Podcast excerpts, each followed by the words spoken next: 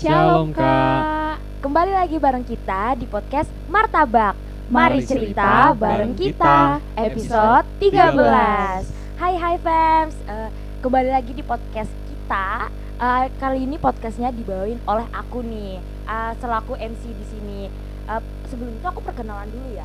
Nama aku Maria Panela Mentari Eh, Tapi biasanya aku dipanggil Memes Hai Kak Hai, Kak Memes. Hai, aku dari Pendidikan Bahasa Perancis, Fakultas Bahasa dan Sini angkatan 2021.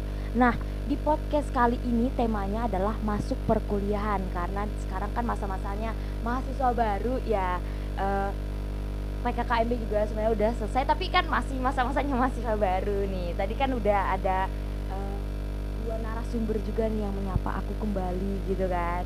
Sebelum itu kita perkenalan narasumbernya dulu kali Boleh ya. Kak, boleh, boleh. Boleh nih eh, kita dari mbaknya dulu nih. Oke. Silahkan.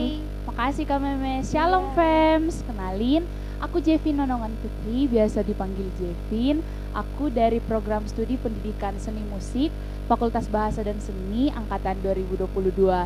Salam kenal fams. Salam kenal Jevin. Masnya nggak ikutan apa gitu mas? Wah, salam kenal Jevin. Oke. Sekarang masnya nih. Oke.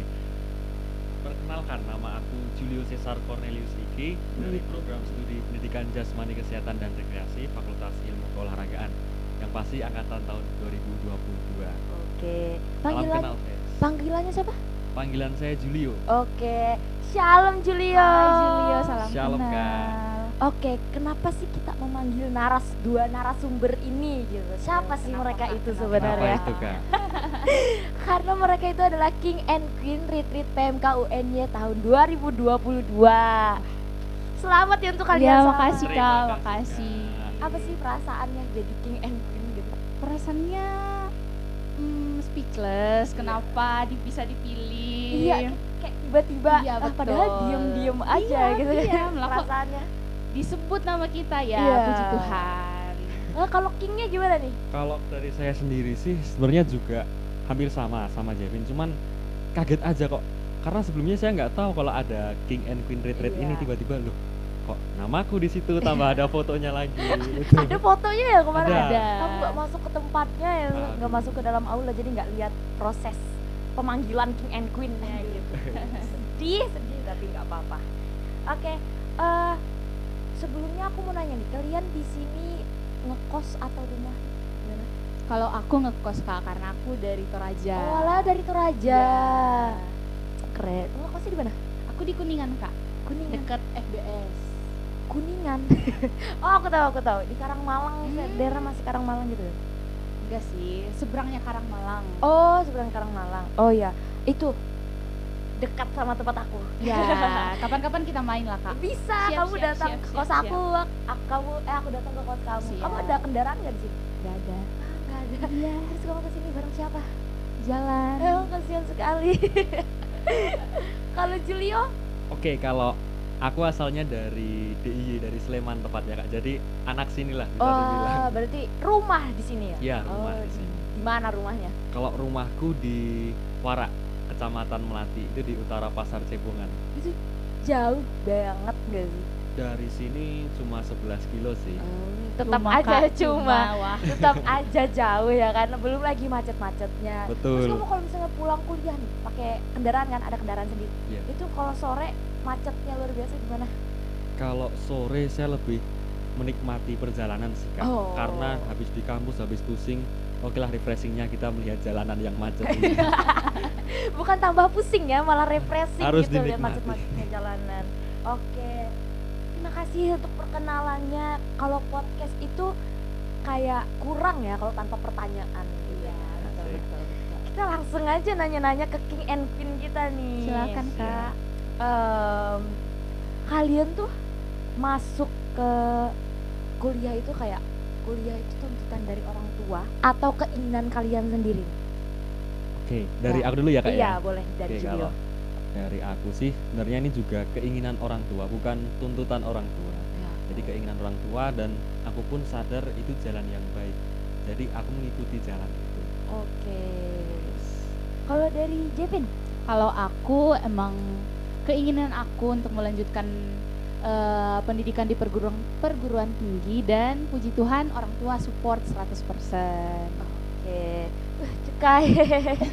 Selamat untuk kan kebanyakan ada juga tuh orang tuanya yang apa ya? nggak mau anaknya kuliah gitu, Iya. maunya kerja aja kan Iya. langsung. Ada juga yang eh, apa? Anak-anak itu maunya gap year atau enggak yang langsung kerja langsung gitu Hmm. loh. Kalian mau men- menempuh pendidikan dulu Iya. gitu. Iya betul kak. Oke, untuk pertanyaan selanjutnya nih, perjuangan kalian dalam meraih kampus UNY gimana tuh? Mungkin Oke. Eh, tapi sebelum itu aku mau nanya kamu masuk SNM atau SBM atau SM? Kalau aku dari SM. SM. Oh, berarti seleksi mandiri ya? Ya. Oke, kalau Jevin? Kalau aku puji Tuhan SNM. Wah, ih sama. Iya. Salaman dulu. puji Tuhan ya kak. Puji Tuhannya. Masuk Mantap. SNM kayak nggak perlu ribet-ribet harus ini ujian lagi gitu kan. Oke. Kalau dari Julia tadi gimana cara memperjuangkan kampus UNY ini? Oke, kalau dari caraku sendiri untuk memperjuangkan kampus ini adalah yang pertama pasti harus belajar. Cuman karena kebetulan saya dulu dulunya nggak suka belajar, istilahnya Wah, nggak suka belajar. daring lah ya. Oh iya habis benar sih. daring, kemudian ya. ini mau masuk kuliah harus ujian di tempat nih. Jadi Hmm. ya mulai ini, mulai flashback atau mulai review lagi materi-materi yang kiranya nanti mau ditesin buat SM ini gitu dan puji Tuhan bisa diterima di sini kak. Wah, keren, Selamat. keren, keren, keren. Itu berarti SNM, SBM tertolak rasanya gimana? Oh iya kak, sebelumnya yang SNM sama SBM itu sebenarnya saya mau mendaftar, Oh. cuman pada waktu itu saya lupa registrasi akun LTMPT itu. ternyata kelupaan. Iya Tapi betul. Puji Tuhannya SM masuk ya. Masuk. Kalau Jevin gimana nih Jevin? Kalau aku mungkin perjuangan buat portofolio ya kak, Oh, soalnya eh, pendidikan seni musik eh, SNM-nya butuh portofolio. Nah pas pembuatan portofolio itu nggak segampang yang dipikirkan teman-temanku. Iya, aku iya. kadang sempat nangis, Ih, sampai soalnya- nangis loh ya. soalnya udah aku ketikkan eh, prestasiku kayak Iya. kan disuruh Iya, harus ada kan. Nah, aku lupa nge-save dan rupanya udah pokoknya udah nggak bisa diselamatkan aku ulanglah dari awal. Dan itu hamin berapa jam? Sumpah, ya hamin berapa ya jam? betul kak. Perjuangan aduh, sekali. makanya pas kemarin temen tuh aku lulus puji Tuhan dibilangin sama teman-teman wah selamat ya kamu udah beruntung banget nggak nggak belajar belajar lagi padahal dia nggak lihat perjuanganku selama ini Iya. nangis nangisnya Bener, gimana bener, ya, bener. ya. jadi nggak ada tuh yang instan harus ada perjuangan Betul. Betul.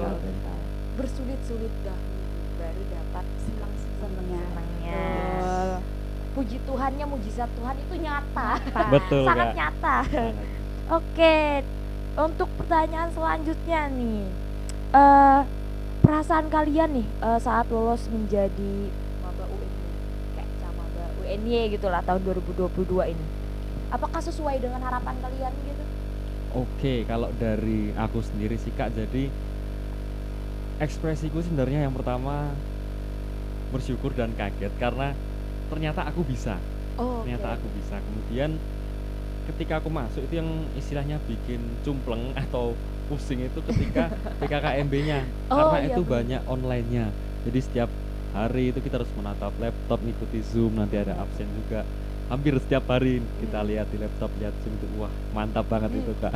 sama banget, sama banget kayak aku dulu juga kan masih online kan. Iya. kayak 24 per 7 kayaknya di depan laptop terus belum ngerjainnya di smartnya lagi Iya, kan ya kan. betul. Terus ada zoom zoomnya lagi. Betul kak. penugasannya lagi Iya Ah, penugasannya capek banget. Tapi UNY ini eh apa ya? Memang menjadi kampus idaman kalian ya dari dulu. Iya. Hmm, kenapa jadi kampus idaman kalian sih? Karena saya dari kecil memang melihat UNY ini sebagai istilahnya dia pencipta atau bukan pencipta sih, tapi menghasilkan Oh, menghasilkan para guru-guru yang hebat-hebat oh, gitu. benar benar benar karena kampus pendidikan ya. Betul Nah, sekali terbaik. kak. Iya betul betul. Kalau Jepit gimana Jepit? Kalau aku jujur waktu pas pengumuman aku ngeblank. Soalnya aku nggak berharap 100% nih Iya, keterima di UNY karena eh, ada tuh isu kemarin yang harus ada alumni eh, salah satu faktor pendukung masuk jalur SNM harus ada alumni. Iya. Nah, di sekolahku itu belum ada yang tembus di UNY, terus aku udah pesimis lah istilahnya. Terus em, pas pengumuman eh, aku juga nggak nanti-nanti banget tuh pengumuman, tapi rasa penasaran juga mas pasti ada. Terus pas aku buka, ibuku di belakang HP ku nih, terus aku Iya. bilang, "E, bu kalau nggak lolos nggak apa-apa ya? Iya nggak apa-apa nggak apa-apa. Eh pas lolos aku baca dulu takutnya ngeprank kan Iya. takutnya ngeprank Bisa ya diupload udah diupload terus rupanya gagal malu Iya Terus, selamat anda dinyatakan lolos di UNY Pendidikan Seni Musik S1 nggak dulu nih. Aku lihat story temanku belum seneng nih. Oh iya berarti lolos. Bu lolos. Terus saya aku tidur aku pergi peluk dia. Ah kenapa siapa yang meninggal? Siapa yang meninggal? pas aku udah jelasin oh puji Tuhan puji Tuhan. Nah di situ seneng banget sih pas eh, keterima. Soalnya eh, membanggakan sekolah juga Iya. bisa tembus UNY dan semoga adik-adik kelas bisa nyusul ke sini. Iya, dan Jevin ini menjadi salah satu motivator mereka gitu Iya, bisa semoga tembus amin amin Iya, kuliah di luar gitu kan. Oke, tadi kamu dari pendidikan eh jurusan apa? Jurusan PJKR, Pendidikan Jasmani Kesehatan dan Kenapa Rekreasi. kamu masuk situ? Kenapa kamu masuk PJKR?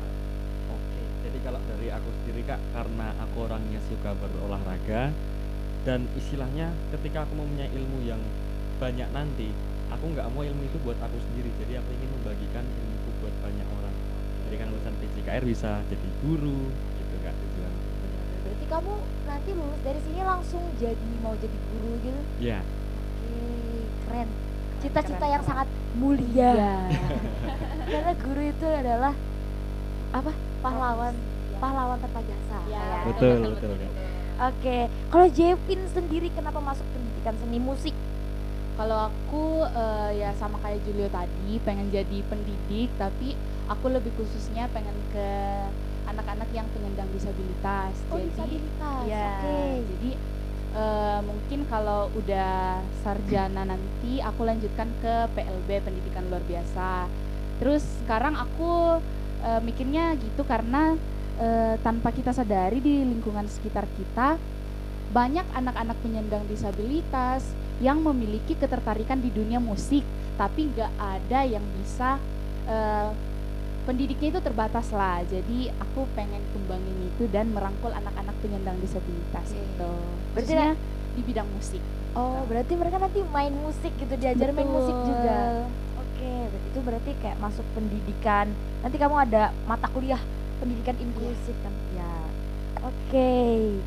Em, apa sih hal tersulit atau pengorbanan terbesar yang kalian rasakan selama proses PKKMB baik eh, universitas, fakultas, jurusan eh, di kegiatan penerimaan mahasiswa baru gitulah. oke. Jadi kalau dari aku sendiri nih kak, pengorbanan atau hal yang istilahnya aku lakukan secara maksa atau istilahnya ngoyo lah jadi Ngoyo. secara mati-matian lah ibaratnya Oh, iya, iya, itu ketika menjalani PKKMB secara online jadi istilahnya kan dari pagi terus sampai siang lagi itu kan liatin laptop terus terus Mm, ada benar, ngerjain benar. tugas lagi nah kemudian tapi tugasnya nggak berhenti di situ juga malam itu pun juga kadang ada tugas yang harus dise- diselesaikan Iya benar. jadi istilahnya kayak ngorbanin waktu pikiran hampir semuanya lah kak gitu jadi bener-bener membekas banget ini untuk PKKMB-nya sama PKPP-nya gitu Pernah gak sih kamu lagi capek-capek gitu tiba-tiba kamu pengen olahraga? pernah gak sih? Ya, Oh, siapa tahu pernah. Kayak, kayak capek banget, aku butuh ini deh kekuatan gitu.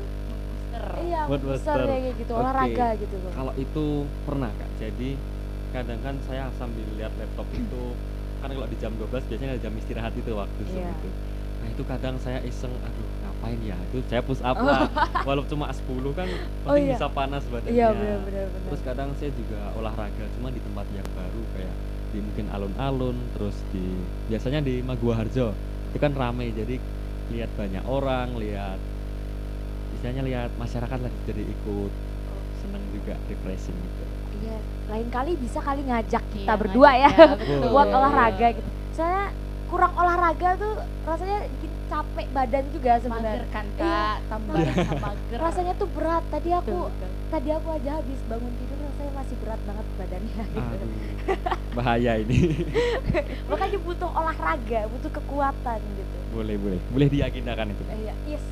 Boleh eh, mungkin besok eh, enggak enggak besok kuliah ya. terlalu mendadak Iya, terlalu mendadak. Kalau Jevin sendiri gimana?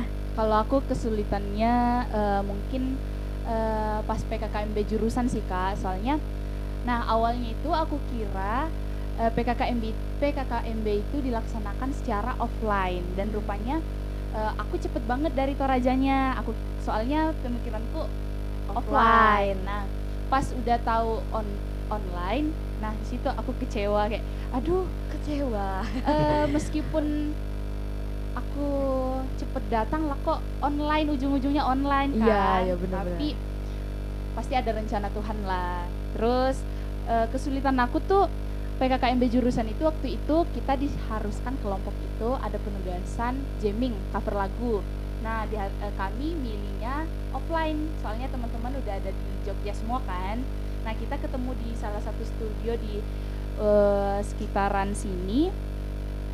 Terus eh, nggak tahu kenapa kesalahan kesalahan teknis mungkin ojek online-nya nggak ngantar sampai titik.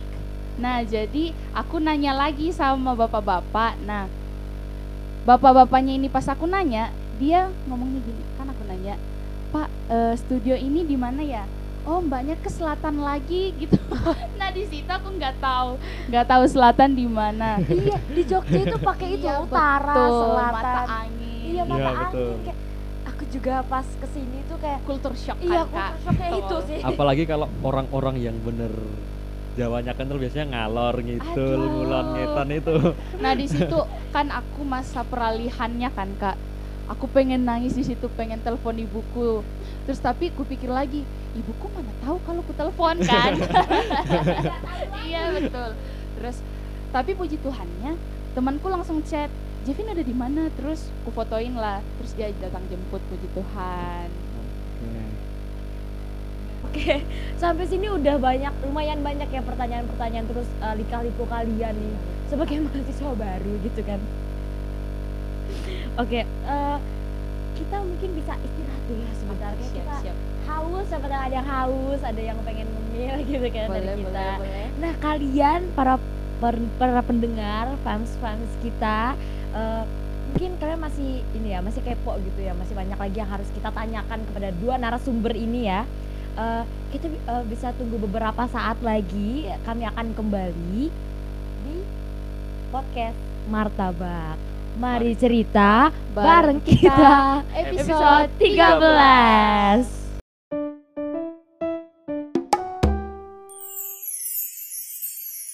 Shalom Pems, kembali lagi bareng kita di Martabak.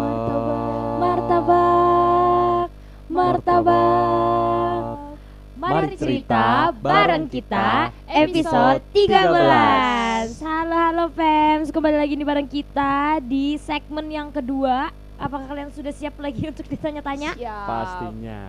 Udah, eh, tadi kan udah ngambil-ngambil ya udah lumayan isi nggak energinya gitu Lumayan sih kak. Enggak sih tadi yang aku lihat Julio aja sih yang makan Kamu isi dengan lelucon kalian. Oke oke boleh boleh. aku jadi malu mungkin Iya, aku iya, iya. cocok gitu ya berprofesi jadi. sambil ngelawak gitu kan. Boleh oke boleh. di segmen yang kedua ini yang tadi kan di segmen ke satu kita nyeritainnya kalian masih calon mahasiswa baru. Iya. di sini kalian di segmen kedua yang gini kalian sudah menjadi mahasiswa baru di Universitas Negeri Yogyakarta. Oke. Nah perasaan kalian tuh udah resmi jadi mahasiswa baru? Gimana sih setelah sekian banyak kalian ngelewatin perjuangan di PKKMB gitu Oke, kalau dari aku sendiri sih kak, yang aku rasakan adalah yang pertama bersyukur, yang kedua harus semangat menjalani sih karena emang perjalanan sampai di sini tuh nggak nggak semudah dan sesingkat itu. Ada rintangan, ada halangan yang harus kita lewati sampai sini. Jadi ya pada intinya bersyukur dan pengen berjuang lebih lah untuk ke depannya. Oke. Gitu. Kalian ada nggak sih menyimpan satu ayat Alkitab gitu, kayak untuk motivasi kalian sendiri gitu? Oh, kalau aku ada kak, kebetulan aku simpan di dompet. Cuman Keren lupa. banget ya. Jadi- Disimpan di dompet, dibawa Iya. ke mana-mana terus ya. Aku bawa ke mana-mana. gitu. Berarti kamu nggak hafal dong? Itu jimat dompet bukan? Waduh jatuh, awas jatuh. Jangan. Jevin dulu deh. Oh ya, Oke, masih nyari-nyari aku dia. jawab dulu ya. Oke, gimana? bisa bisa. Jadi eh, puji Tuhan banget ya kak udah bisa sampai di titik ini. Terus sama sih yang dibilangin sama Julio tadi, pasti butuh effort banget karena aku yakin bahwa em, perjalanan panjang startnya baru dimulai. Jadi harus punya kesiapan kesiapan mental, kesiapan iman dan perlunya kesiapan fisik. Jadi Benar, aku benar. punya ayat favorit nih kak. Aku kebetulan baca pas di kemarin yaitu dari Yakobus 1 ayat 12. Firman Tuhan itu bilangnya berbahagialah orang yang bertahan dalam pencobaan sebab apabila ia sudah tahan uji ia akan menerima mahkota kehidupan yang dijanjikan Allah kepada barang siapa yang mengasihi dia. Jadi dari sini kalau aku lagi sedih-sedihnya lagi ngerasa sendiri pasti aku oh iya Yakobus 1 ayat 12 berbahagialah. Iya, Gitu. Asik. Kita harus berbahagia di dalam keadaan dan Betul. situasi Betul, betul. apa pun. Tuhan. Betul, sang juru selamat dunia gitu. Betul. Yes. Yes. Kalau Julio sudah dapat nih ayatnya. Oke, kalau dari aku ini sebenarnya pesan, Pesan. bukan ayat kak. Jadi Oh. ketika aku ke Bukit Rema Hmm, Tahu Bukit Rema gimana? kan? Nggak tahu aku di mana itu daerah Jawa Tengah. Jadi itu kalau di sini misalnya House of Prayer for for All Nation. Jadi kayak istilahnya ini rumah doa bagi segala umat. Nah ini akan aku ngambil kartu nih random aku iya. ambil aku dapat kata-kata ini. Serahkanlah perbuatanmu kepada Tuhan, maka terlaksana segala rencanamu. Itu cuma pendek, cuman ini sangat berarti banget bagi aku karena ketika kita nggak percaya sama diri ketika eh sorry. Ketika kita tidak percaya sama diri ketika kita. nggak percaya sama diri kita cuman Tuhan percaya kalau kita bisa. Benar benar. Gitu. Jadi emang kata-kata ini pesan ini sangat memotivasi aku sangat mensupport aku. Jadi pas aku misal baru down aku mikir aku nggak akan menghadapi ini kalau Tuhan nggak memilihku. Ya benar banget. Gitu kak. Karena kita di dunia ini pasti ada tujuannya. Betul sekali. Dan juga kak, kalau Tuhan udah tuntun kita sampai sini, nggak mungkin Tuhan lepas tangan. betul. Setuju. Kalau dari aku sendiri eh, untuk ayat Alkitab yang sering aku pegang itu ya sebentar ya aku juga nyari dulu. Oh nyari dulu. Itu dari Matius 19 ayat 26 isinya? Sebentar ya aku buka ayat Alkitab dulu. Lupa. Matius Matius ayat 26 itu Yesus memandang mereka dan berkata bagi manusia hal ini tidak mungkin tetapi eh, bagi Allah segala sesuatu mungkin. Karena karena eh, apa ya kita itu berpikir pasti ada batasnya. Iya. sedangkan Tuhan itu eh, berpikir selalu kayak apa ya itu tidak ada yang mustahil gitu Betul, betul. betul, betul. jadi setiap aku eh, merasa kayak lagi insecure gitu nggak bisa berbuat apa-apa gitu aku pasti kayak langsung ngelihat ayat ini Tuhan itu pasti memberikan jalan gitu tidak ada yang mustahil bagi hidup Betul, ini Betul, betul. Amin. Amin. Karena kita sebagai manusia itu manusia lemah sebenarnya ya. yes Cuman Tuhan menguatkan kita.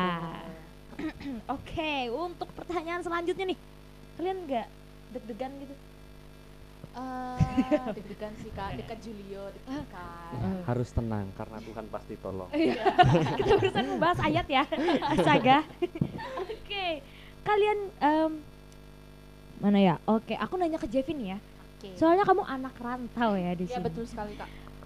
kamu sebagai anak rantau pindah ke Jogja, kuliah di Jogja pasti memiliki yang namanya kultur shock.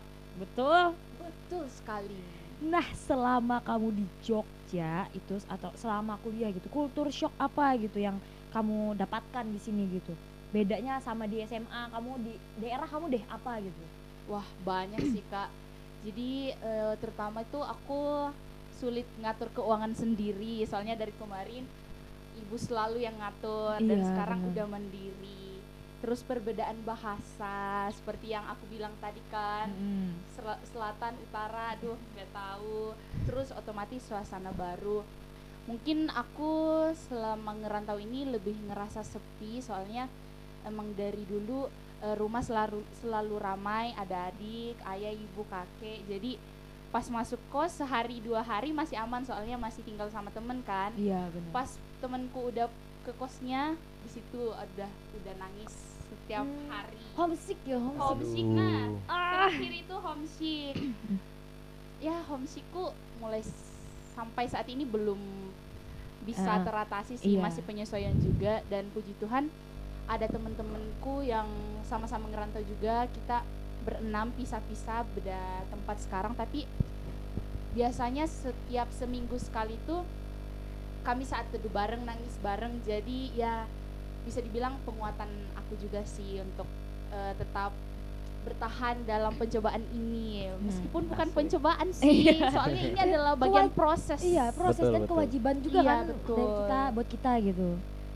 itu aja kak Hmm, Oke. Kalau dari Julio, Oh, kalau enggak tunggu dulu, kamu kan di rumah ya. iya. Di Jogja apa kultur shock kamu? Jadi aku nanya kultur kultur shock kamu setelah masuk kuliah. Kan ada ininya kan proses apa namanya? Kenapa kamu? Iya Ada pro- proses istilahnya pengenalan. Iya pengenalannya gitu kan. Oke, jadi kalau dari aku sendiri memang momen-momen maba ini adalah suatu tahap di mana itu kita peralihan dari kalau aku SMA itu menuju universitas yang mana istilahnya di SMA kita masih bisa santai lah, masih dikejar-kejar guru, masih istilahnya masih full dibimbing. Namun pas kita sampai di universitas ini tuh kita benar-benar murni dari kita sendiri. Istilahnya kalau kita mau masuk kelas ya masuk. Kita nggak masuk kelas dosen ya terserah. Iya. karena kan kita sendiri yang dapat nilai gitu. Kemudian kalau dari Devin tadi kan itu tentang bahasa kemudian istilahnya tentang lingkungan yang ada di Jogja. Nah kalau dari aku sendiri itu tentang teman-teman jadi ibaratkan aku di SMA dulu kan biasa ngobrol sama teman-teman pakai bahasa Jawa jadi ya Oh, bahasa Jawa ya Iya, Hmm. setiap hari pakai bahasa Jawa. Arab nendi ngalor, nendi ngidul. Iya benar-benar. Nah, sampai di universitas ini aku harus sering menggunakan bahasa Indonesia karena yang kutemui nggak cuma dari Jawa. Jogja Iya, aja, dari gitu, Jogja Jawa. aja. gitu. ya itu sih kak yang Hmm. sangat teringat tuh. Jawa tuh kan banyak ya. Jawa itu nggak cuma apa satu bahasa gitu Iya. kan. Nah itu pasti kan banyak dari Jawa yang lain tuh gimana kamu berkomunikasinya? Apakah pakai bahasa Indonesia atau pakai bahasa Jawa tapi berbe- berbeda gitu bahasa Jawanya? Oh, mungkin kalau ketemu sama teman-teman yang bisa paham bahasa Jawa juga, aku tetap pakai bahasa Jawa, cuman nggak full. Misal aku tanya mau ke mana, Arab Nendi, aku pakai yang simpel-simpel aja. Cuman kalau Oh. pertanyaan agak panjang, aku pakai bahasa Indonesia. Karena barangkali kan ada teman-teman yang nggak paham bahasa Jawa, Iya. tapi juga nyimak Ah, biar bener. paham juga gitu. Iya sama aku juga belum bisa bahasa Jawa ya sampai saat ini. Aduh. Udah berapa bulan kita di Jogja gitu ya? iya Eh, baru taunya jenengan Iya. matur nuwun Iya, panjenengan. Terima kasih Julio sudah mengajarkan Iya. juga. Aduh, siap. Oke, untuk selanjutnya eh, suka duka yang kalian rasakan selama mengikuti eh setelah mengikuti perkuliahan separuh semester ini. Gimana nih? Keluhnya atau susahnya tugas kah atau banyaknya kegiatan-kegiatan kah? Oke, kalau dari aku sih Kak lebih ke ini sih. Kayak suka ini aja apa? Kan kalau pas di SMA ini kan kita kembali ke momen perpindahan tadi. Iya. Ketika di SMA itu seragam, semua masuk jam 7, brek balik eh, pulang jam Iya, istilahnya jam 3. Ah, benar. Nah, cuman di kuliah ini kadang ada dosen yang mau ganti jam, terus Iya. mau ganti ini, mau ganti ini itu yang bikin aku pusing juga.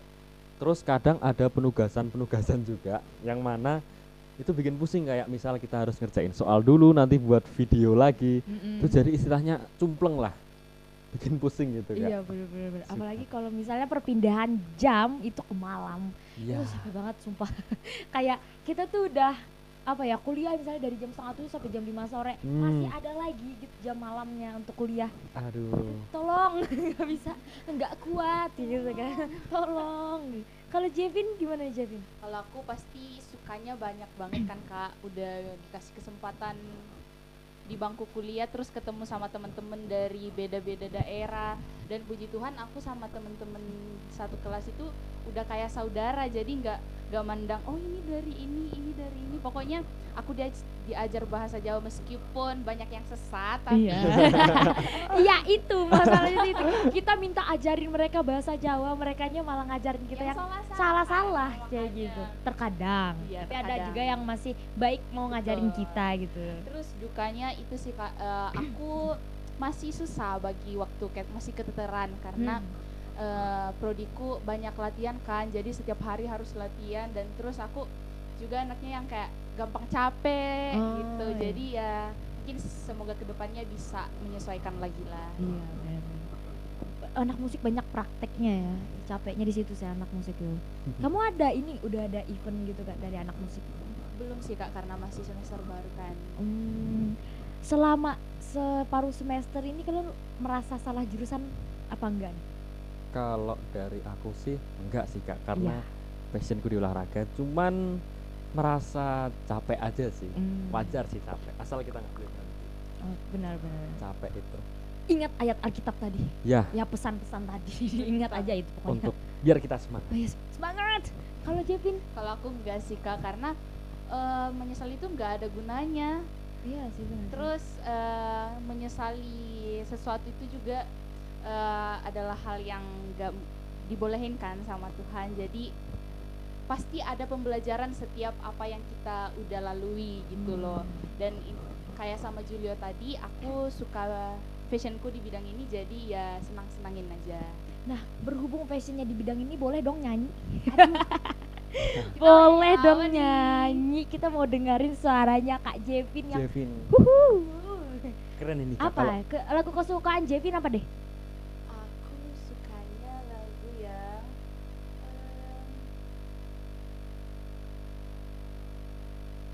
Yang Ya, apa nih? Allah sanggup melakukan segala perkara dulu sekarang dan selamanya kuasanya tidak berubah nah kan relate banget kan Iya, jadi. Allah sanggup melakukan segala perkara Betul. jadi kita nggak perlu khawatir perkara yang menurut kita besar menurut Tuhan itu kecil banget keren banget Keren. suara Jevin ini ya. Mari kita beru, ber, beru beri tepuk ta, tepuk tangan terima kasih Oke. Selanjutnya nih, apa motivasi yang mendorong kalian untuk tetap bertahan sampai sejauh ini gitu di lingkungan perkuliahan lah? Oke, kalau dari aku sendiri yang pasti karena yang satu karena Tuhan, Tuhan udah mengizinkan aku masuk ke sini, Tuhan sudah mengarahkan ke sini. Jadi memang inilah jalanku, jadi aku harus berjuang. Kemudian yang kedua dari orang tua karena pastilah aku masih anak kecil istilahnya, Iya. masih full disupport oleh orang tua. Kemudian itu karena diriku sendiri. Aku nggak mungkin menyerah karena aku ngomong wah aku nggak bakal sanggup. Itu artinya aku juga meremehkan diriku sendiri. Iya, karena. Tuhan pasti ngasih aku kelebihan yang buat aku kuat gitu kak. Keren, mantap. Kalau untuk Jevin, udah dijawab sama Julius Weh. sama, ya, sama, sama, ya. persis. yang di otakku sama King and Queen ini memang se sehati gitu ya. Aduh. sepemikiran. Oke, wah, wah, nih kalian sudah separuh semester nih, udah banyak rekrutmen rekrutmen yang kepanitiaan kayak gitu maupun dari jurusan atau UKM gitu kan. Sejauh ini udah ikut kepanitiaan apa aja nih? Dari siapa? Julio dulu deh. Baiklah. Kalau dari aku sih sejauh ini baru ikut panitia Natal sih kak, Wih, Natal PMK. Natal. Ya betul Natal PMK. Kebetulan di sana aku jadi seksi keamanan. Wih. Jadi yang harus aman ya Iya, ya harus aman mengamankan Natal. Bawa ambulan nggak? Boleh. nanti ya boleh. nanti kan Natal Nanti kan Natal. Kalian harus ad- ikut Natal sih. Kalau Jevin nih, gimana?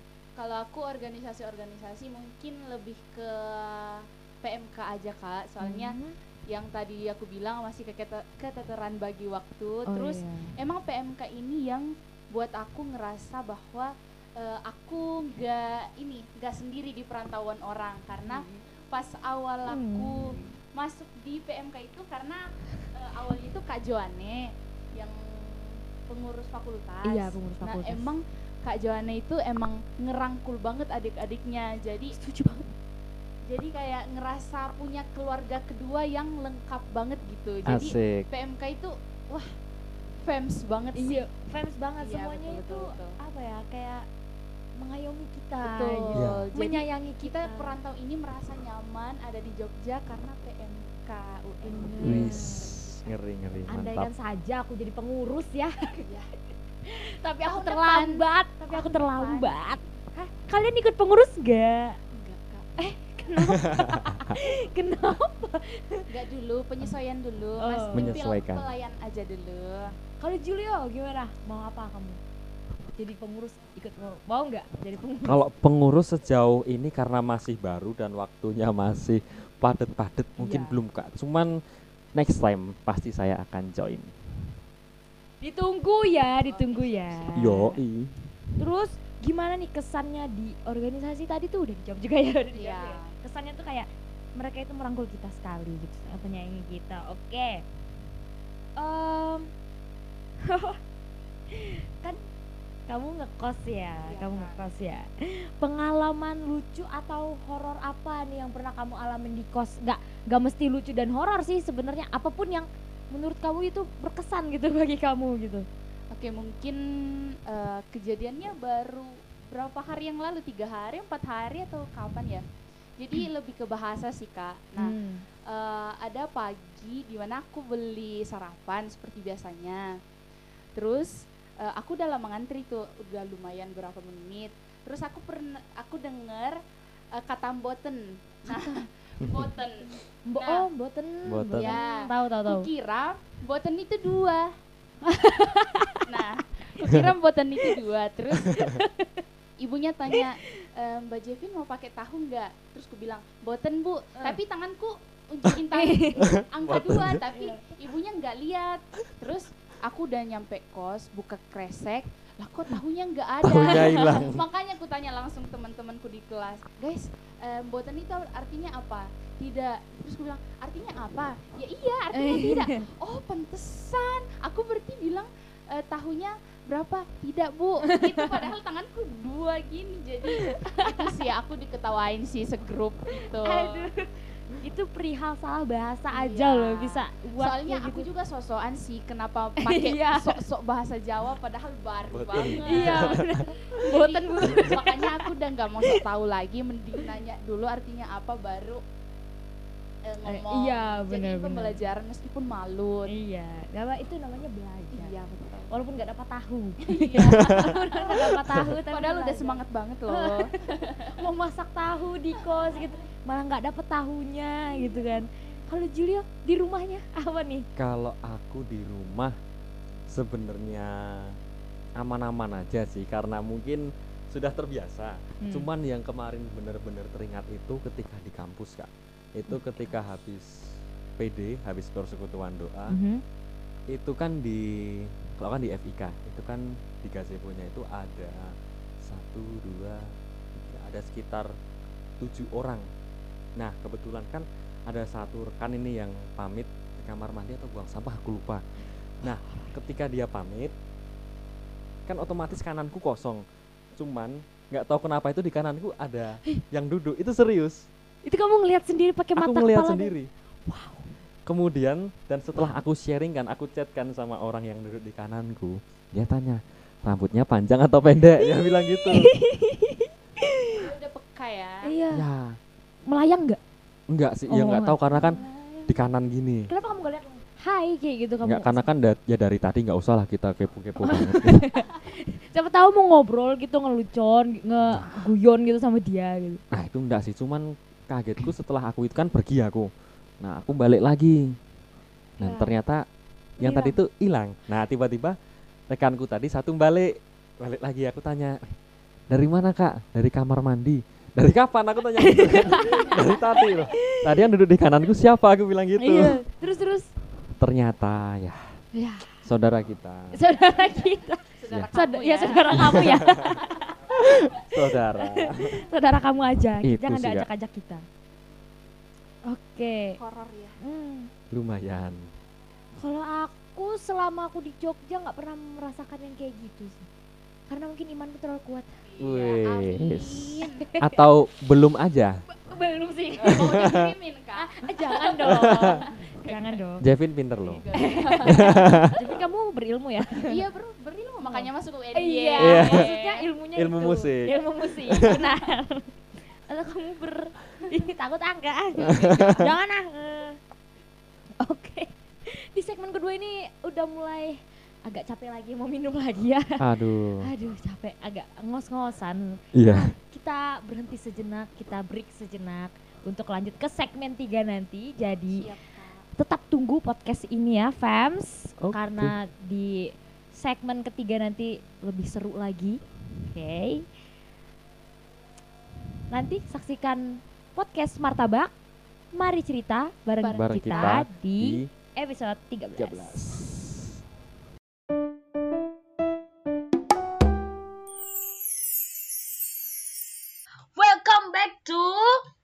Mar Tak Bak, Mari cerita bareng kita. Halo halo fans, kembali lagi dengan kita bertiga di sini. Di karena ini sudah segmen 3 berarti kita udah berada di penghujung apa? Penghujung podcast ya. Tapi ini masih dong kak. ah, enggak santai karena kita karena podcast ini enggak cuma 1 2 3 Oh. 4 sampai 100 episode tapi bisa mencapai 1000 mungkin. Oke, Amin. Tergantung tim-tim yang mengadakannya. Siap, Siap. siap, siap. Nanti narasumbernya kalian dua terus tapi. Aduh, bosan dong. nanti bosan enggak, enggak, enggak. Oke, di segmen ketiga ini kita akan bertanya tentang tips and trik menghadapi dunia perkuliahan ala narasumber kita berdua ini ala Julio dan Jevin. Oke, dari Julio dulu nih, tips and trik bagi yang ingin melanjutkan kuliah nih. Dari kamu apa tips, tips and triknya? Ini tuh untuk kayak apa ya? Adik kelas kamu gitu, ada anak SMA gitu atau yang gap year gitu. Oke oke. Untuk motivasinya sih sebenarnya cukup simpel, nggak perlu panjang-panjang. Yang pasti itu kalian harus, eh, bukan kalian sih teman-teman harus semangat. Yang pasti semangat. Kemudian semangat itu pun ada cabang-cabangnya. Semangat belajar, semangat berjuang, dan yang pasti semangat untuk berdoa. Kemudian kita harus punya mindset jangan sampai kita lulus SMA itu nggak cuma kita langsung cari kerjaan apalagi langsung nikah itu Ya, jangan betul.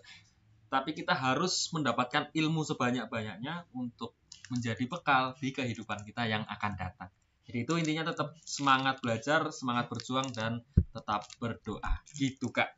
Siap, karena berdoa itu adalah nafas kehidupan. betul sekali. Betul banget kak. Kalau dari Jevin sendiri nih, Kalau aku tips and trikku untuk melanjutkan pendidikan di jenjang perkuliahan itu yang pertama perbanyak cari tahu tentang jurusan, fakultas betul dan banget, betul banget. eh, universitas. Jangan sampai di tengah jalan ada kata, aduh aku, aku salah jurusan nih. Jadi eh, emang dari sekarang udah mulai cari ta- cari-cari tahu, perbanyak cari tahu. Terus yang kedua minta doa orang tua, diri sendiri juga, perbanyak pelayanan ke Tuhan. Terus untuk untuk teman pe- teman-teman pejuang SNM perbanyak sertifikat tapi satu catatan dari aku jangan berharap full untuk SNM karena SNM itu eh, bisa dibilang jalur hoki-hokian. Dan yang kedua untuk teman-teman pejuang UTBK semangat Em, kalian tidak perlu menyiksa diri untuk belajar have fun Eh, tetap berharap bahwa masa depan sungguh ada dan harapanmu takkan hilang jadi itu aja sih kak Gila mantap banget nih tips and trick dari Jevin dan Julio itu sangat bermanfaat banget buat kalian ya. Diinget itu tips and triknya. Siapa tahu kalian mau lanjut ke UNY ya. amin kita tunggu Siap. Iya, kita tunggu kedatangan kalian nih di eh tahun depan ya? Iya. Iya, tahun depan. Oke, selan selanjutnya hmm, keahlian atau kemampuan apa yang harus dikembangkan nih untuk beradaptasi di dunia perkuliahan ala kalian gitu. Oke, kalau dari aku sendiri sih lebih ke mengembangkan hal-hal atau bakat yang nantinya itu akan membawa kita untuk menuju ke dunia pekerjaan istilahnya. Karena kita nggak bisa kalau nanti akan terjun ke dunia kerja masih mempunyai mental atau kemampuan yang setara SMP, SMA itu nggak bisa. Misal kita harus ikut berorganisasi, kita belajar bersosial, karena yang mana setelah kita masuk di universitas atau kita lulus nanti, kita akan banyak bersosial dengan masyarakat, kita banyak berinteraksi dengan masyarakat. Kalau kita nggak bisa interaksi itu akan susah menyalurkan ilmu-ilmu kita. Kemudian untuk itu dasarnya sebagai mental agar kita berani. Kemudian ilmunya jangan lupa dipertajam. Karena percuma juga kalau kita berani berbicara tapi ilmunya kurang, kita juga salah. Gitu, Kak. Betul sekali. Nah, kalau untuk Jevin nih gimana? Kalau aku eh, pastinya kita pintar-pintar nyari teman kalau udah di perkuliahan karena eh, teman kita nggak kayak di SMA lingkung lingkungannya tuh nggak situ-situ aja dari berbagai daerah dan bahkan seluruh Indonesia kan. Jadi kita harus pintar pintar menyesuaikan diri. Hmm. Yang kedua, jangan pernah berhenti menjadi terang di mana pun kita berada. Jadi seperti ini ya, eh, apa? Shy, Shy. ya, Tema shine PMK kita itu tuh. betul. Dan yang ketiga itu manajemen waktu yang paling penting sih. Tapi memang eh, kita butuh penyesu- penyesuaian, tapi em, kita usahain dari awal kita emang udah disiplin dalam mengatur waktu gitu Hmm. aja sih kak.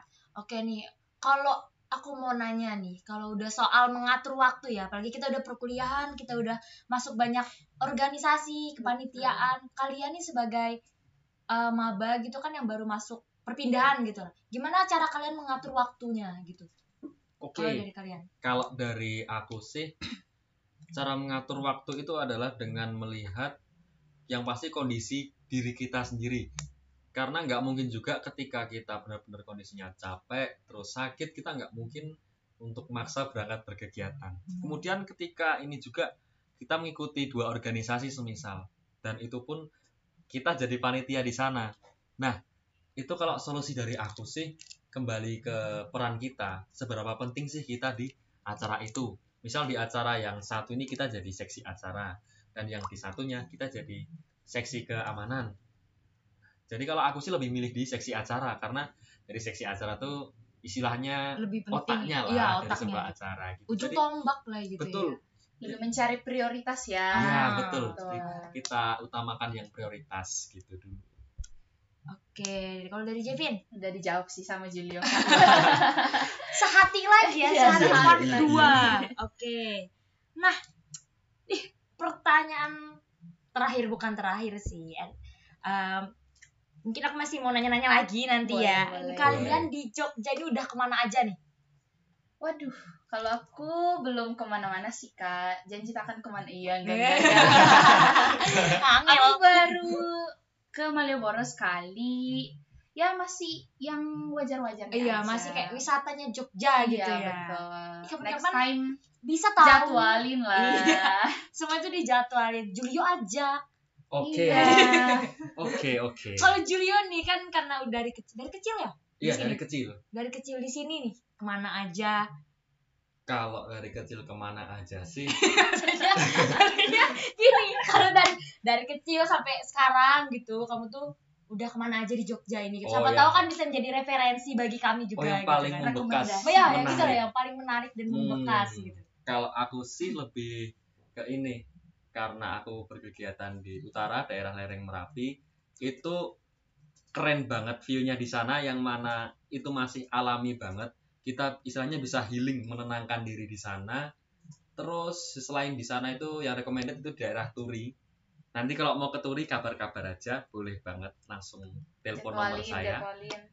ke Turi habis itu ke daerah Kaliurang juga itu ada namanya Bukit apa itu? Buk Nawang Jagat sorry. Namanya Nawang Jagat. Jadi dari view itu kita bisa melihat dua bukit. Itu Bukit Pelawangan dan Bukit Turgo dan di tengah-tengahnya ada Gunung Merapi. Dan itu view-nya keren banget. Wah. terus sama ada lagi sebenarnya banyak sih. Itu di Kelangon itu Kelangon tuh keren juga. Kita ke atas ke utara kita lihat Gunung Merapi. Kita ke selatan kita bisa lihat Jogja. Ih, keren Wow. banget. itu keren banget itu Tapi kalau didengar-dengar lagi ya dia tuh lebih ke alam. Iya. Iya. Kenapa kamu sangat menyukai alam tuh kenapa? karena saya menyukai kenapa saya menyukai alam itu karena satu alam itu memang ciptaan Tuhan yang harus saya jaga dan saya istilahnya saya Hargai. Hargai ya. benar. saya hargai kenapa saya suka alam ya karena memangnya harus itu memang harus dijaga Hmm, benar-benar.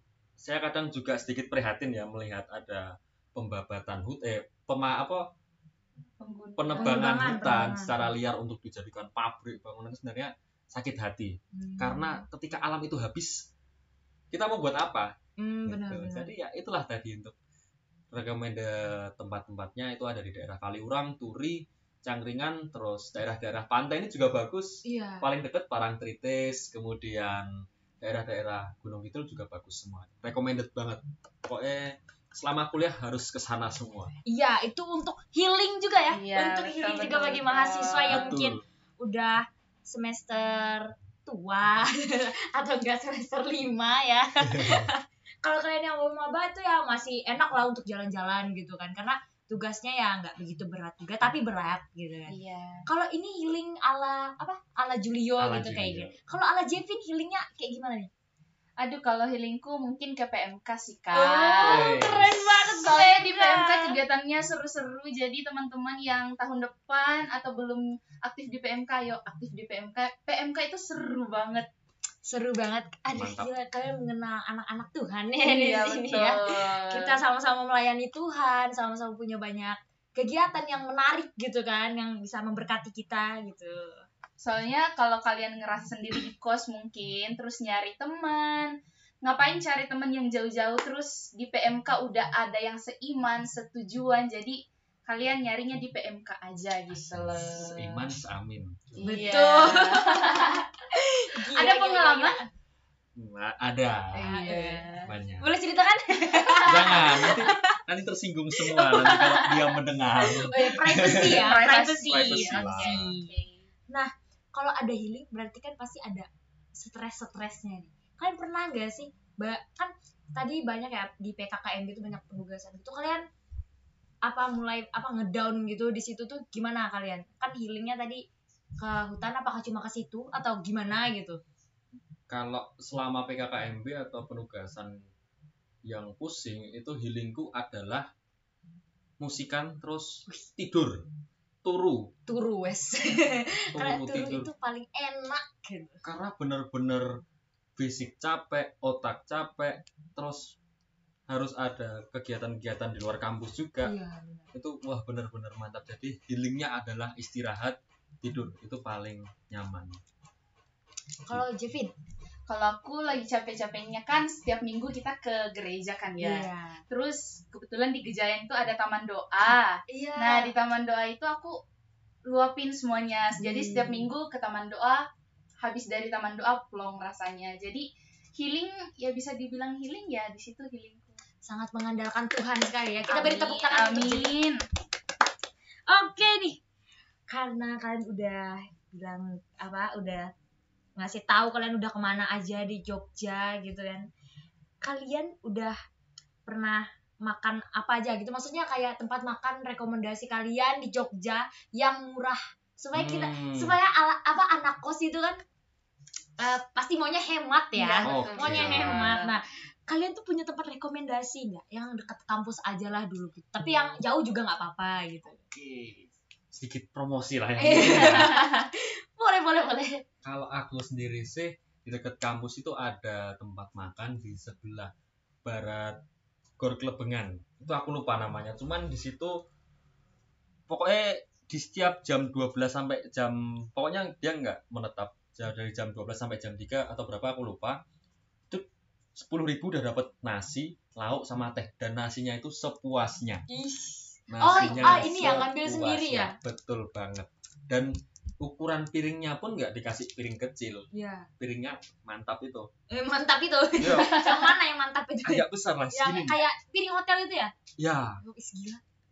Jadi situ ya sebagai kita mahasiswa kan pengennya enak murah warek Orang itu enak murah kenyang. Oh, kenyang. Itulah Kenyang. idaman Setuju. mahasiswa gitu. Dan untuk lain-lain mungkin kalau untuk dunia mie ayam aku lebih suka ke ini sih Kulon Progo itu ada Iya. Mie ayam Warung. Pak D. betul Ah. ada mie ayam Pak D menu favoritku mie ayam brutal toppingnya banyak terus minyak banyak dan wis pokoknya recommended banget. Jangan lupa ya fans, itu tempat apa rekomendasi dari Julio, tempat makan. Cuma itu aja?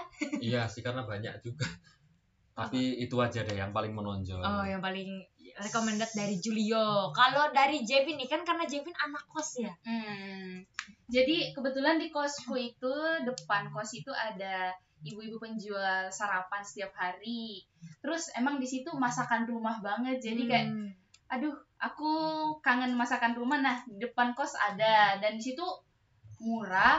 Aku makan sehari itu dari pagi sampai eh, malam itu lauknya cuman lauknya karena aku masak nasi. Mhm. Terus itu tips hemat ya guys. Jadi Iya. kalian harus masak nasi terus lauknya beli aja. Nah, 15.000 udah dari pagi sampai malam. Jadi per hari aku untuk makan keluarnya cuma 15.000 biasanya. Ih, bisa banget. iya, bisa. Makanya di warung nasi Mbak Wi. Oh, Mbak Wi. Oh, nasi Mbak Wi. Ya, pokoknya nanti cari Iya, ya, siap, nanti siap, cari siap. lah ya di Dekat FBS kalau Dekat. FBS. Oke. oke Bisa banget ya memanajemen keuangan Iya. nih. Gimana kalian cara memanajemen keuangan Kalau- kan ini udah ada untuk keperluan kuliah, kos-kosan, makan gitu kan atau enggak kendaraannya kan, uang bensin. Itu kayak kalian memanajemen keuangannya tuh kayak gimana?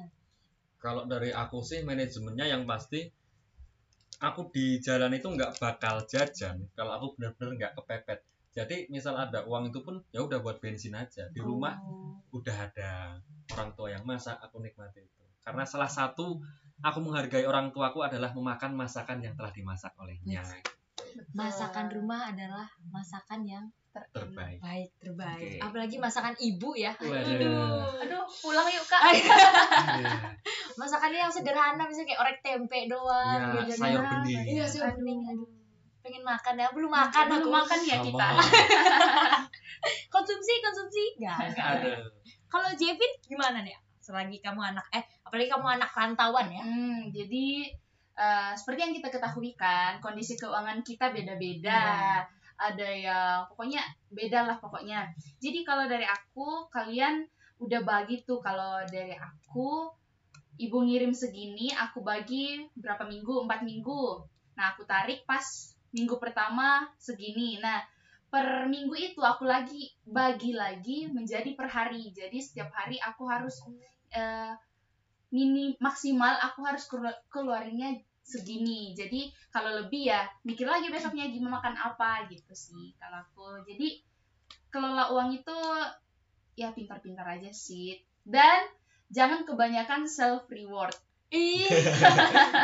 aku banget.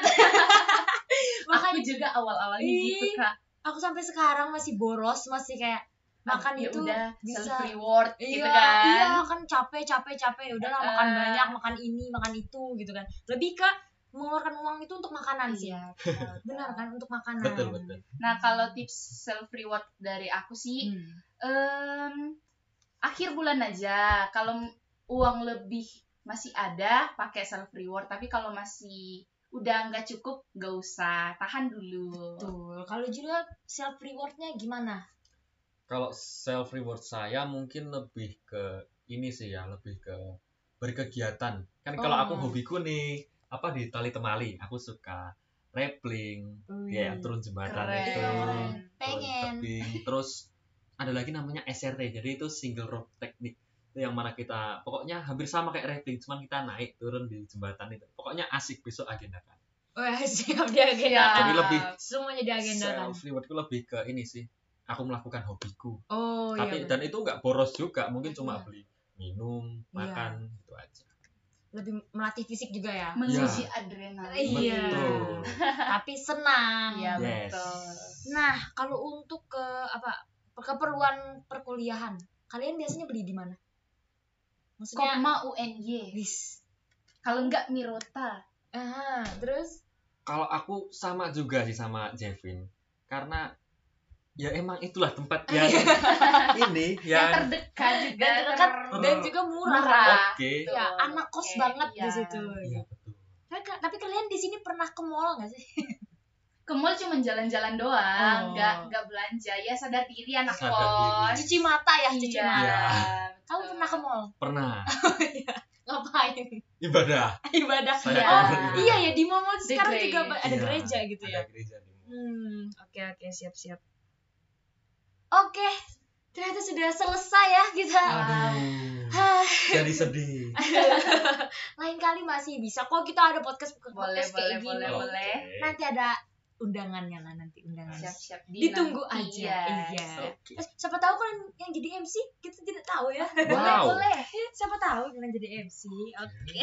Kami sudah- MS yang jadi narasumber jadi kita gantian ganti ya Jangan. dua MC satu narasumber berasa ditembak ya kan takut nah eh, udah di penghujung podcast ya kita ya sudah selesai wawancaranya untuk kedua narasumber kita ini bagaimana perasaan kalian setelah ditanya-tanya? Seneng sih bisa berbagi sharing-sharing. Ya itu sih bersyukur bisa dilibatkan dalam pelayanan dalam bentuk Iya. ini. Kalau Julia gimana? Kalau dari aku hampir sama kayak Jevin. Jadi istilahnya apa yang kita pengala apa apa yang kita punya sebagai pengalaman tuh bisa menyemangati dari teman-teman semua. Oke. begitu semangat fans Semangat. apa pun yang terjadi tetap eh, andalkan Tuhan di dalam kehidupan kalian ya betul Nah, sebelum eh sudah penutupan nih, sudah penu- sebelum penutupan eh, kalian closing statement dulu nih. oke Kita closing statement dulu nih untuk para fans-fans yang eh, dengerin podcast kita. Oke. dari siapa dulu nih Tawuran aja sekalian. Aduh Ayo, jangan adu, cinta adu. damai Oke, cinta damai dari Jevin dulu deh. Oke.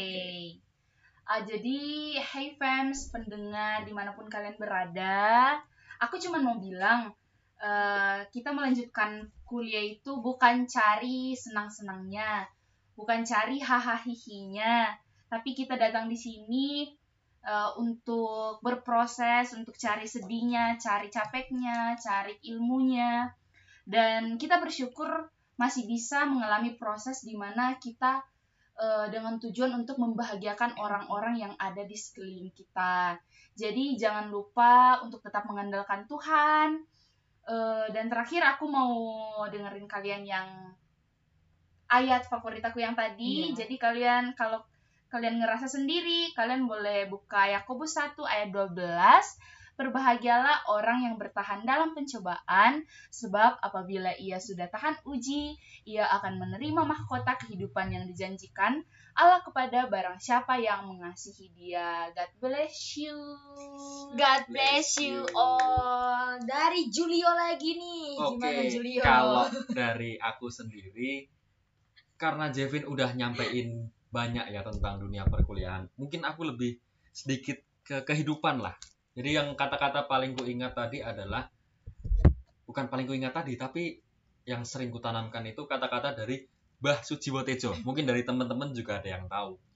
Untuk menghina Tuhan, itu tidak harus kita merobek Alkitab, kemudian kita mencaci namanya, tapi kita khawatir besok nggak bisa makan tuh sama aja kita udah menghina Tuhan. Jadi yang artinya kita tuh cukup percaya aja sama jalan Tuhan bahwa kita tuh hanyalah pemeran atas naskah yang dituliskan oleh Tuhan ya kita cuma ngikuti jalan ceritanya aja. Jadi kita cuma ngera istilahnya sebagai korban suka dukanya. Tapi di balik semua itu Tuhan udah setting jalan terbaik. Tuhan sudah atur yang mana nanti pasti kalau di film-film pasti akan happy ending. Itu kan. Amin. Tapi di film ada loh yang bad ending. Nah, Jadi kalau aku lebih percaya ke Tuhan sih kak. Yang pasti Oh. Tuhan itu akan memberikan memberikan jalan terbaik kepada kita umatnya yang percaya. Iya. Gitu kak. Jadinya kita harus percaya kepada Tuhan. Betul. Campur tangan Tuhan itu harus ada dalam kehidupan kita. dan Betul. memang pasti ada. Iya Amin. betul. Ini boleh di stop stopin nggak sih? Sebentar aku nanya dulu ya. Ini kan udah closing statement tuh boleh di cut. Maksudnya ngomongnya apa nih habis closing statement? Aku langsung ngambil kesimpulan. Ya nanti eh, kesimpulan habis itu eh, oke boleh terima kasih kepada narasumber kita yang sudah mau mau, eh, eh, mau berbincang-bincang dengan kita. Nah, jangan eh, untuk fans jangan lupa untuk terus pantau di podcast Martabak dan akun-akun media Media akun- sosial. media sosial PMK PMK lainnya. Sampai jumpa di podcast episode, episode selanjutnya. Oh, oke oke. Ini podcastnya ada di Spotify dan YouTube. Spotify. Spotify aja. TV. Oke. Oke guys. Eh guys, gak suka. Sorry. Kelepasan. Kelepasan. Kelepasan. Kadang-kadang suka kayak gitu. Aku sering sih. Oke fans, sekarang podcast kita sudah berakhir sampai sini ya dengan kedua narasumber kita. Di sini aku mau menyimpulkan dari apa yang mereka udah sampaikan tadi gitu. Ta- Kalau di dunia ku- perkuliahan itu memang eh, perpindahan yang berat bagi anak-anak SMA gitu, eh, anak-anak SMA gitu kan, nah, sebelumnya kayak gitu. Apalagi kita harus memanajemen waktu, memanajemen uang bagi yang ngekos gitu kan. Kita harus mencari em, apa ya tempat-tempat yang memang benar-benar untuk anak mahasiswa kayak gitu untuk mahasiswa Eh, gimana suka dan dukanya kita gitu di dalam perkuliahan gitu ya dalam perkuliahan gitu. Tapi kita tetap harus mengandalkan Tuhan. Betul. Iya gitu. Kita seperti yang diucapkan eh disebutkan sama Jevin dan Julio tadi ayat-ayat Alkitabnya gitu kan tadi yang menguatkan diri mereka gitu. Kita sebagai mahasiswa boleh stres tapi jangan jangan sampai kalian berlarut-larut gitu. Kita harus ada self reward eh, re- Reward. reward. Kita harus ada self reward kita harus ada healingnya gitu kan. Tadi kedua tips mereka itu eh, apa tips dari mereka itu sudah sangat bermanfaat ya untuk kita gitu oke guys udah oh, oke fans sudah selesai acara podcast kita Eh, terima kasih kepada dua narasumber Makasih ini. juga Kak. Terima Jeffrey kasih, dan. Julio sudah bisa eh, sudah mau datang ke sini untuk diwawancarai ya Siap, siap, sudah mau ngobrol-ngobrol bareng aku Eh, di sini aku mau mengingatkan pendengar eh, untuk mendengar untuk pen- eh, di sini aku mau mengingatkan untuk pendengar sekalian untuk fans fans untuk mengakses, mengakses podcast itu di Spotify podcast Martabak mari cerita bareng kita Eh, di Spotify jangan lupa untuk eh, mendengarkan episode-episode selanjutnya. Shalom friends. Goodbye. God bless you. Sebenarnya aku tuh terbelit-belit sih. aku boleh ulang lagi nggak? Terus ulang. Closingnya kayak sampai jumpa di martabak. Iya, Yes, selanjutnya. dari ulang dari ini aja dari. Terima kasih untuk kalian. Sampai juga Eh, ya. endingnya gimana nanti supaya ini? Sampai jumpa di martabak. Mari cerita bareng kita di episode selanjutnya. Episode selanjutnya. Iya. God bless you. Gitu. Gitu ya, nanti God bless you all gitu. Eh, fans, fans. Iya, God bless iya. you, fans. Maaf ya Ivana. Iya, Maaf ya Ivana. Harap maklum. Artis baru. Iya. Pendatang baru. pendatang baru soalnya. Eh, Oke, terima kasih untuk eh, kedua narasumber kita yang udah mau Sama-sama. datang ke Sama-sama. Semoga selanjutnya kalian kalau diundang nggak menyesal ya sih. Siap.